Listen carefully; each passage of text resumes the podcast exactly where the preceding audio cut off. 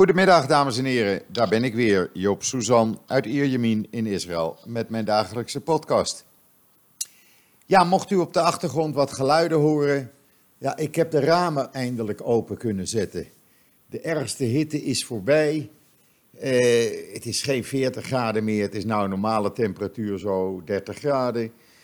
Lekker. En een, eh, een windje uit zee. En ik denk, ja, ik hou de ramen even open, weg van die airconditioning eh, eh, lucht. En gewoon eh, frisse buitenlucht naar binnen toe. En het is best lekker. En ja, dan hoort u een beetje het verkeer op de achtergrond, de drukte in Israël af en toe. Het getoeter. En ik denk, ach, voor een keertje mag dat wel natuurlijk. Want wat was het heet, wat was het drukkend heet. Het was echt niet normaal. En dat kwam doordat eh, eh, erg warme lucht uit de Saoedische woestijnen eh, deze kant op kwam. Dat botste erg hoog in de lucht met koude lucht daar. We kregen daardoor wat regen. Daardoor waren ook die bliksem en onweer was zo enorm. Want dat waren echt donderslagen waarbij je u tegen zegt. Eh, maar nu is dat gelukkig voorbij en krijgen we het normale weer voor deze tijd van het jaar, zo rond de 30 graden. En dat is lekker. En dat komt eh, goed uit, want de laatste dagen van de Sukkot-vakantie breken aan. En dat betekent dat eh, duizenden mensen in Israël gaan kamperen. Eh, de kinderen die, eh, die zijn er allemaal gaan eh, kamperen. Eentje is er gisteren naar eh, zuidelijk van Tiberias gegaan. De ander gaat morgen eh, ten zuiden van Rosh Nikra in het uiterste noorden op het strand kamperen met de kinderen. Eh, ja, dat is, eh, dat is traditie eigenlijk. Want dit is de, ja, de Sukkot-vakantie in Israël is de laatste grote vakantie voordat het winterseizoen begint. Want de herfst, ach, ja, we zitten nu midden in de herfst, maar met 30 graden kan je dat geen herfst noemen natuurlijk, zoals in Nederland. Dus eh, zeg maar, voor de winter is dit eh, de laatste mogelijkheid eigenlijk. Ook al omdat iedereen vrij is. We krijgen eh, natuurlijk het weekend met Shabbat. En dan hebben we zondag de laatste dag van Sukkot, die s'avonds overgaat in Simchat Torah, vreugde de wet. En dan maandag is nog een vrije dag. En dan dinsdag begint iedereen zo'n beetje weer eh, aan het werk te gaan. Eh, en dan zijn die tien dagen alweer voorbij. Dus men pakt het er even van eh, en, en gaat dus gewoon kamperen. En het prettige in Israël is, je kan overal parkeren eigenlijk ja, waar je denkt dat het mogelijk is. De stranden, in natuurgebieden zijn speciale plekken aangewezen waar je kan kamperen, vlakbij water, eh, op bergen, in de woestijn natuurlijk. Eh, er zijn legio mogelijkheden en met deze temperaturen is het natuurlijk heerlijk. S'nachts ligt de temperatuur nu de komende dagen zo rond de 22 graden. En dat is natuurlijk prettig om dan te kamperen. En natuurlijk wordt er dan gebarbecued. Als ik zie de hoeveelheden vlees en kip die men inslaat en pita's. Nou, je wil het niet weten. Het is voor een heel leger. Maar fijn dat het kan. Laten we dat zomaar zeggen. Hè, Het geeft eh, het gevoel van vrijheid. En eh, ja, dat is in Israël nou eenmaal zo. Eh, doe maar wat je wil, zolang je een ander geen overlast biedt. En ja, dan, ja, dan gebruik je dat gewoon, dan doe je dat gewoon. Ik zie het ook bij mij op het strand. Ik had het van de week al tegen u gezegd. Het is gewoon een klein tentendorp verschenen. Eh, op andere plekken zag ik staan eh, ja, mensen alleen met een tentje. Er wordt gebarbecued, men zwemt. Het zeewater is 28 graden. Nou, zo kan je je goed voorbereiden op de winter. En wie zich ook goed voorbereidt, u kunt het op uh, joods.nl lezen, dat is het uh, Israëlisch Olympisch Comité. Die gaat de grootste delegatie voor Israël ooit naar de Olympische Spelen in Tokio volgend jaar sturen. Uh, dat doen maar liefst uh, op dit moment, zo is bekend, 85 uh, sporters nemen daaraan deel uit Israël, 85 atleten. Die gaan meedoen aan 18 sporten. Ja, voor het eerst is er ook een Israëlisch honkbalteam bijvoorbeeld. 24 spelers die gaan naar de Olympische Spelen. nog nooit voorgekomen. Uh, er doen schutters aan mee, er doen springruiters aan mee. Het Israëlische basketbalteam heeft zich geplaatst om naar de Olympische Spelen te gaan. Ritmisch gymnastiek natuurlijk, vanzelfsprekend. Uh, daar heeft Israël een, uh, een wereldkampioen voor deze tak van sport. de schutters gaan, springpaarden, uh, artistieke gymnastiek voor mannen. Er is een Israëlische turner van 22 die onlangs de zilveren medaille heeft gewonnen bij een vloeroefening de wereldkampioenschap in Duitsland. Uh, en natuurlijk de zeilers gaan, uh, surfers gaan. Dus ja, men gaat er toch van uit, zegt het Israëlische Olympisch Comité, dat we hier uh, met zes uh, medailles uh, kan het Olympisch Comité, de Olympische Spelen wel beëindigd worden door het Israëlische team. Nou, we zullen ze, ze eraan gaan houden natuurlijk. ik vind dat best veel voor zo'n klein landje als Israël is. En dan, het is weer donderdag. Dus ja, we hebben een heerlijk kiprecept op Joods.nl gezet. Zult u denken, alweer een kiprecept? Ja, maar het is in de Joodse gemeenschap gebruikelijk om kip op tientallen verschillende manieren op vrijdagavond te eten. Maar je kan het natuurlijk op elke avond eten, wanneer het je uitkomt. Het enige wat je hiervoor nodig hebt, en ik ken deze kip, want mijn overleden geliefde heeft het een, uh, ja, vele malen gemaakt eigenlijk. Uh, het duurt twee uur om te maken. wat je nodig hebt is natuurlijk een kip van 2,5 kilo, wat zout, vers gemalen zwarte peper, een bosje tijm, 20 takjes, een citroen die je in twee stukken snijdt, een knoflook die in vier stukken wordt gesneden, twee eetlepels boter die je laat smelten, een grote ui in grote stukken snijden, vier wortels in stukjes van 2 centimeter gesneden, een bol venkel, topjes verwijderen natuurlijk, en olijfolie. Ja, olijfolie hoort erbij in Israël en het is nog gezond ook. Lees het recept en de bereidingswijze op joods.nl. En dan wens ik u alvast uh, eet smakelijk, beteavon, zoals we hier zeggen. Uh, en laat ons weten hoe het gesmaakt heeft. En dan Israel Aerospace Industrie. Die gaat voor het Amerikaanse General Electric Capital Aviation Services, uh, GCAS afgekort, 15 Boeing 777 uh, vliegtuigen uh, ombouwen tot vrachtvliegtuig. Dat zijn nu nog passagiersvliegtuigen. Uh, en die worden nu omgebouwd tot vrachtvliegtuigen. Dat gaat een paar jaar duren. Daarna maken ze kans om nog eens een keer 15 van deze passagierstoestellen om te bouwen. het zou in de honderden miljoenen dollars lopen, dit contract. En het is natuurlijk mooi dat het een Israëlisch bedrijf is wat dit mag gaan uitvoeren. En dan op joods.nl het antisemitisme binnen de Labour-partij in Engeland. Louise Elman is 55 jaar lid van de Labour-partij geweest.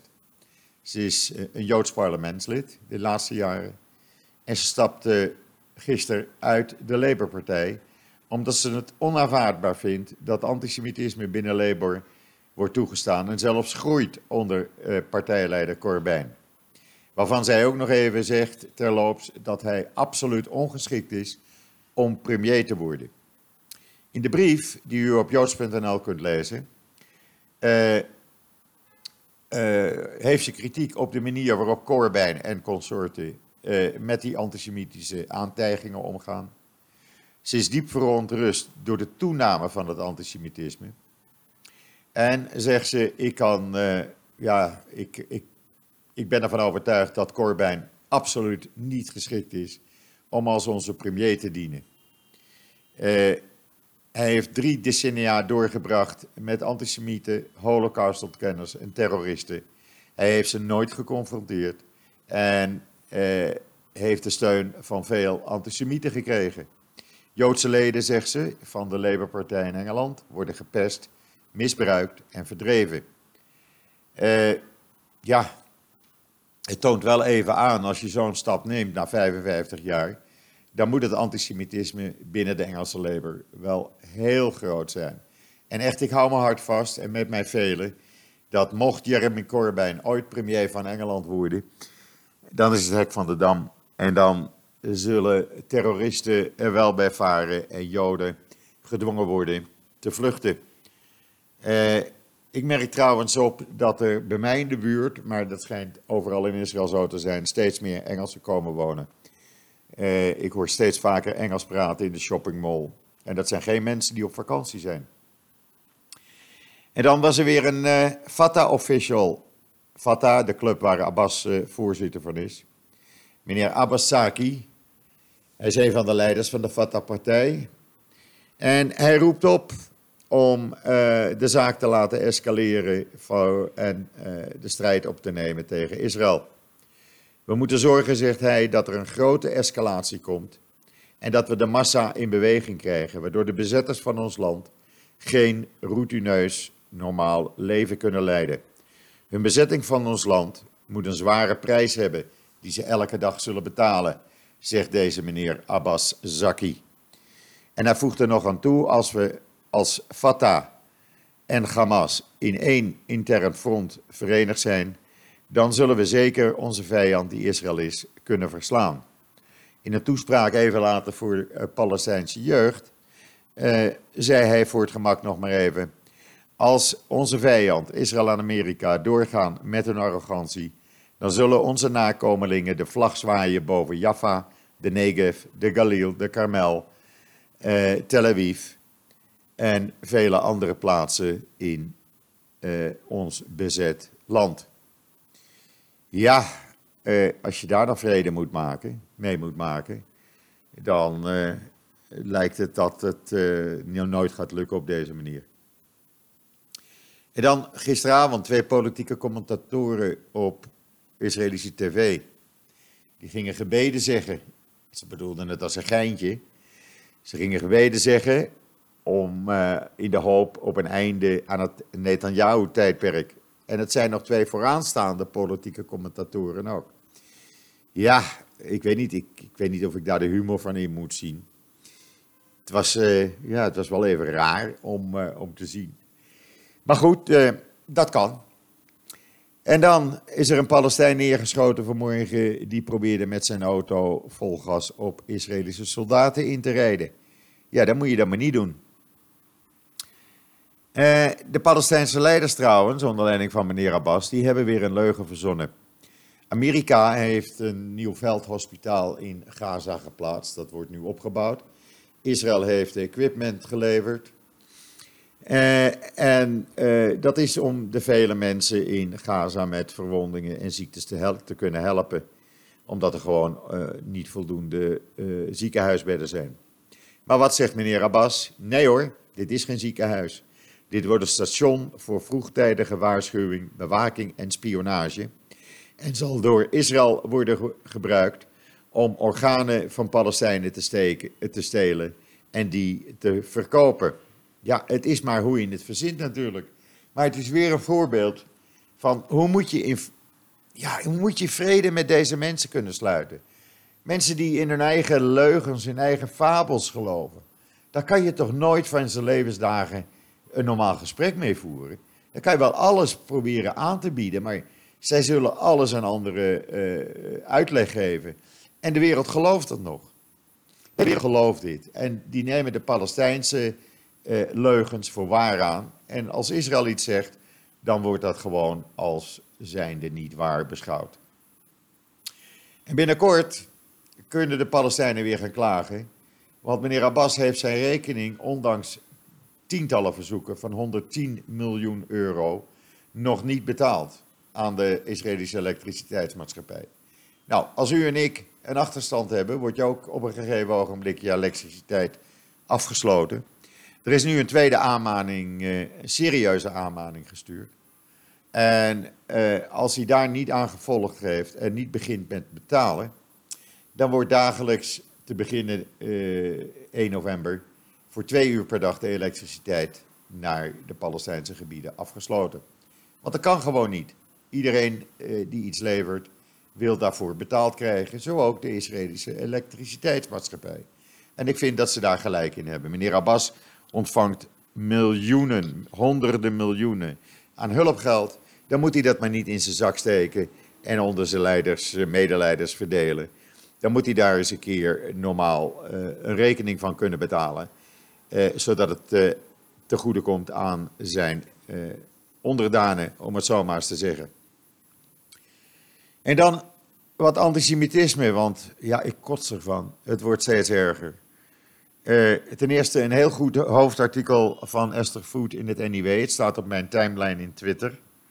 Daar kunt u lezen hoe iedereen zijn kop in het zand steekt en terrorisme, antisemitisme niet benoemt en zegt het is uit ideologische, ideologische of overtuiging of het komt door geloofsovertuiging of het is een verward persoon. En uh, de struisvogelpolitiek wordt uit de kast gehaald en antisemitisme wordt niet benoemd. Nou, het is er wel degelijk en het wordt alleen maar erger. Als ik wil, kan ik daar mijn hele Twitterlijn de hele dag mee, vol, mee volgooien.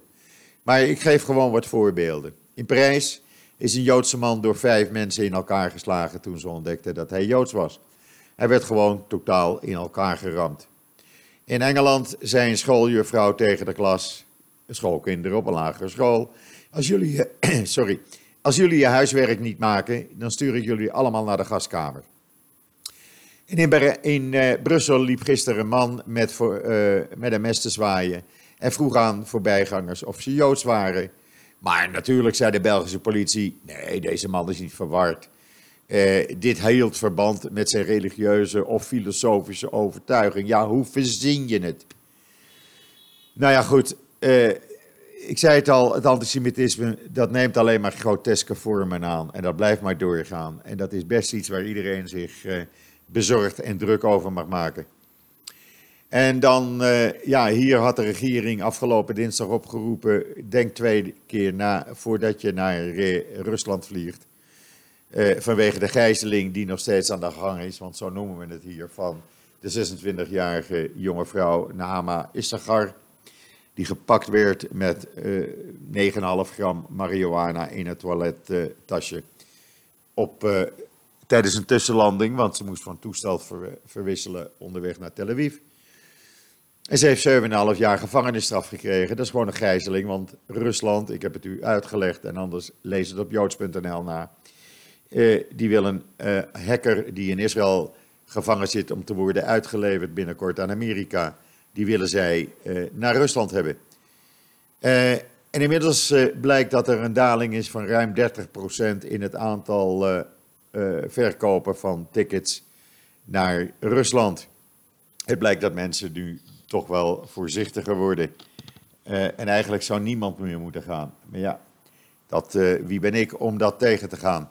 Ook bijvoorbeeld deze week het aantal Israëli's naar Turkije Antalya eh, is echt in de tienduizenden, ondanks meneer Erdogan. Men gaat gewoon naar eh, Turkije toe op vakantie. En waarom? Ja, omdat het zo lekker goedkoop is. Voor een paar honderd euro zit je met per persoon uh, all in uh, een hele week in, uh, in een hotel in Antalya. Ja, dan ga je niet naar Elat, waar je vele malen meer betaalt per persoon. Maar goed, ja, als je principieel bent, moet je dat niet doen. Ja, eh, weinig nieuws voor de rest in Israël. Eh, ik zei het al, de meeste mensen zijn op vakantie en helemaal vandaag. De politiek ligt zelfs eh, grotendeels stil. Eh, er zijn wel wat geruchten over mogelijkheden dat Gans eh, misschien toch voor een paar maanden accepteert met Netanyahu uh, in een regering te gaan zitten. Het zijn allemaal geruchten. Ik heb nog nergens een bevestiging gezien of gelezen. En zolang dat er niet is, zet ik het ook niet op joods.nl natuurlijk. Want het moet wel duidelijk iets zijn wat waar is. Ja, en voor de rest, zoals ik in het begin zei, het lange weekend uh, staat eraan te komen. Dit is ook de laatste podcast van deze week, want zondag kom ik nog wel even bij u terug. Alleen wat eerder, zondag, vanwege het feit dat alles dicht gaat om een uur of drie, zondagmiddag. Maar ook ik ga lekker van het weekend genieten. Morgen huis schoonmaken, boodschappen doen. En dan uh, zaterdag uh, denk ik even naar de kibbutz in het noorden, uiterste noorden van Israël, uh, bij een van mijn broers op visite. Ben ik al een tijdje niet geweest, maar het was ook te heet. En met dit weer is het weer lekker te doen en dan kan de hond weer lekker zijn gang gaan door de hele kibbutz en al zijn vrienden even begroeten. En dan hebben we even een leuke rit door de, de mooie natuur van Israël en een leuke paar uurtjes even in de kibbutz waar het altijd zo lekker stil is. Dus ja, eh, ook ik ga er een beetje van genieten. Eh, en dan, eh, dan ben ik zondag weer bij u terug natuurlijk. Voor de rest, hou joods.nl in de gaten. Er komen nog een aantal goede artikelen op. Onder andere de inmiddels, mag ik wel zeggen, populaire rubriek. Wat schrijven de Hebreeuwse kranten in Israël? Maar dat komt later vandaag. Rest mij u nog een fijne voortzetting van deze donderdag, de 17e oktober, toe te wensen. Eh, wat mij betreft, eh, alvast Shabbat Shalom. En zoals we hier tegen iedereen zeggen, Chag. Fijne feestdagen. En eh, voor de rest zeg ik met een kleine kwinkslag, tot ziens, tot zondag.